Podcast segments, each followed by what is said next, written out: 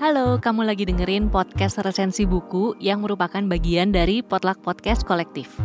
Di episode ini, kamu akan dengerin resensi buku dari teman-teman yang berpartisipasi di kompetisi podcast resensi buku 3. Kompetisi ini berkolaborasi dengan tujuh penerbit, yaitu Gramedia Pustaka Utama, Kepustakaan Populer Gramedia, Penerbit Haru, Buku Mojok, Penerbit Mizan, Bentang Pustaka, dan Gagas Media, dan juga berkolaborasi dengan Inti Megah Suara Indonesia.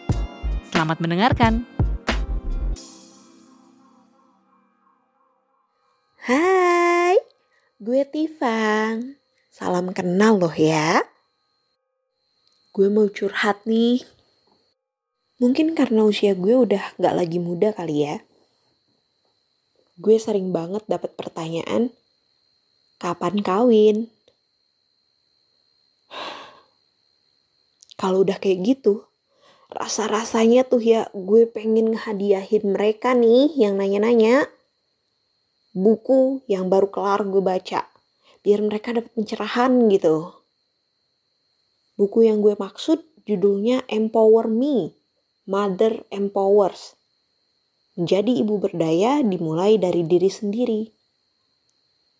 Judulnya keren nih tapi isinya bukan tentang parenting-parenting gitu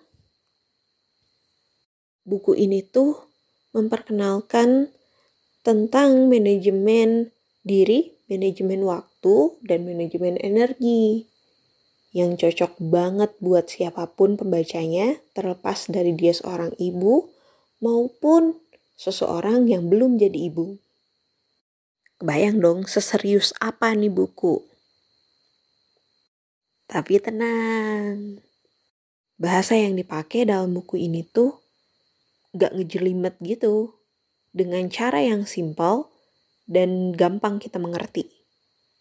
Serunya, apa yang ada di buku ini tuh bener-bener applicable. Relate banget gitu sama apa yang kebanyakan orang alamin. Bahkan untuk gue yang belum menikah. Buku ini ngebantu gue banget dalam hal memetakan tujuan gue gitu di dalam buku ini tuh ada semacam kayak lembar kerja gitu, self-assessment, yang ngebantu gue untuk mengenal diri gue sendiri. Seru banget serius. Jadi lo bisa coret-coret di buku ini, atau lo juga bisa scan QR code gitu yang ada di buku ini juga, dan lo bakalan dapat akses buat ngunduh template yang sama kayak yang ada di buku ini. Jadi meskipun gue bacanya lewat Gramedia Digital, gue tetap mendapatkan pengalaman baca yang sama dengan orang-orang yang membaca buku versi fisiknya. Bagian yang paling gue suka dari buku ini adalah manajemen rasa bersalah. Rasanya seolah ketemu sama temen lama yang tahu lo luar dalam, yang bahkan ketika lo gagal, dia nggak bakalan nyalahin lo. Dia bakalan ngebantuin lo untuk melihat kegagalannya itu di mana, kenapa, dan ngebantuin lo untuk, well, mungkin mengurangi sedikit rasa bersalah. Buku ini jadi terasa personal banget karena sejak lembar pertama, Mbak Putih, penulis buku ini, ngasih tahu bahwa setiap perempuan, setiap orang itu punya perjuangannya sendiri-sendiri, punya tujuannya sendiri-sendiri, dan punya peperangannya sendiri-sendiri. Dan karena itu, setiap masing-masing dari kita itu berbeda dan gak salah. Serius deh, lewat buku ini gue paham bahwa untuk mengenal diri sendiri aja gue akan membutuhkan waktu seumur hidup gue.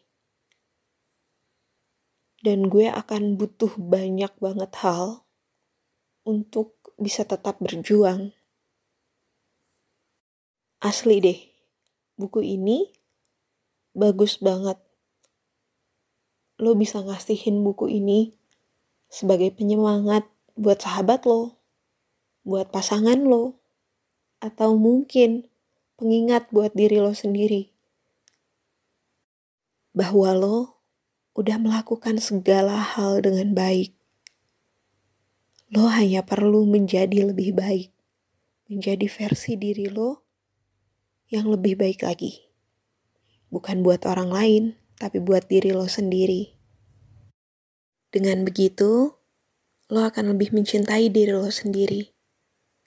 Karena lo menghargai setiap proses, sekecil apa pun progres yang lo raih. Gue percaya satu perempuan yang berdaya akan membawa perubahan besar pada lingkungan di sekitarnya. Gue berharap setidaknya sebagai sesama perempuan, kita akan bisa mendukung keputusan apa pun yang diambil oleh teman kita, oleh sahabat kita, meskipun ia memiliki pandangan yang berbeda dengan kita. Gue berharap kita bisa jadi orang-orang yang lebih baik daripada orang-orang yang nyinyir sama kita. Makasih ya udah dengerin. Selamat beristirahat.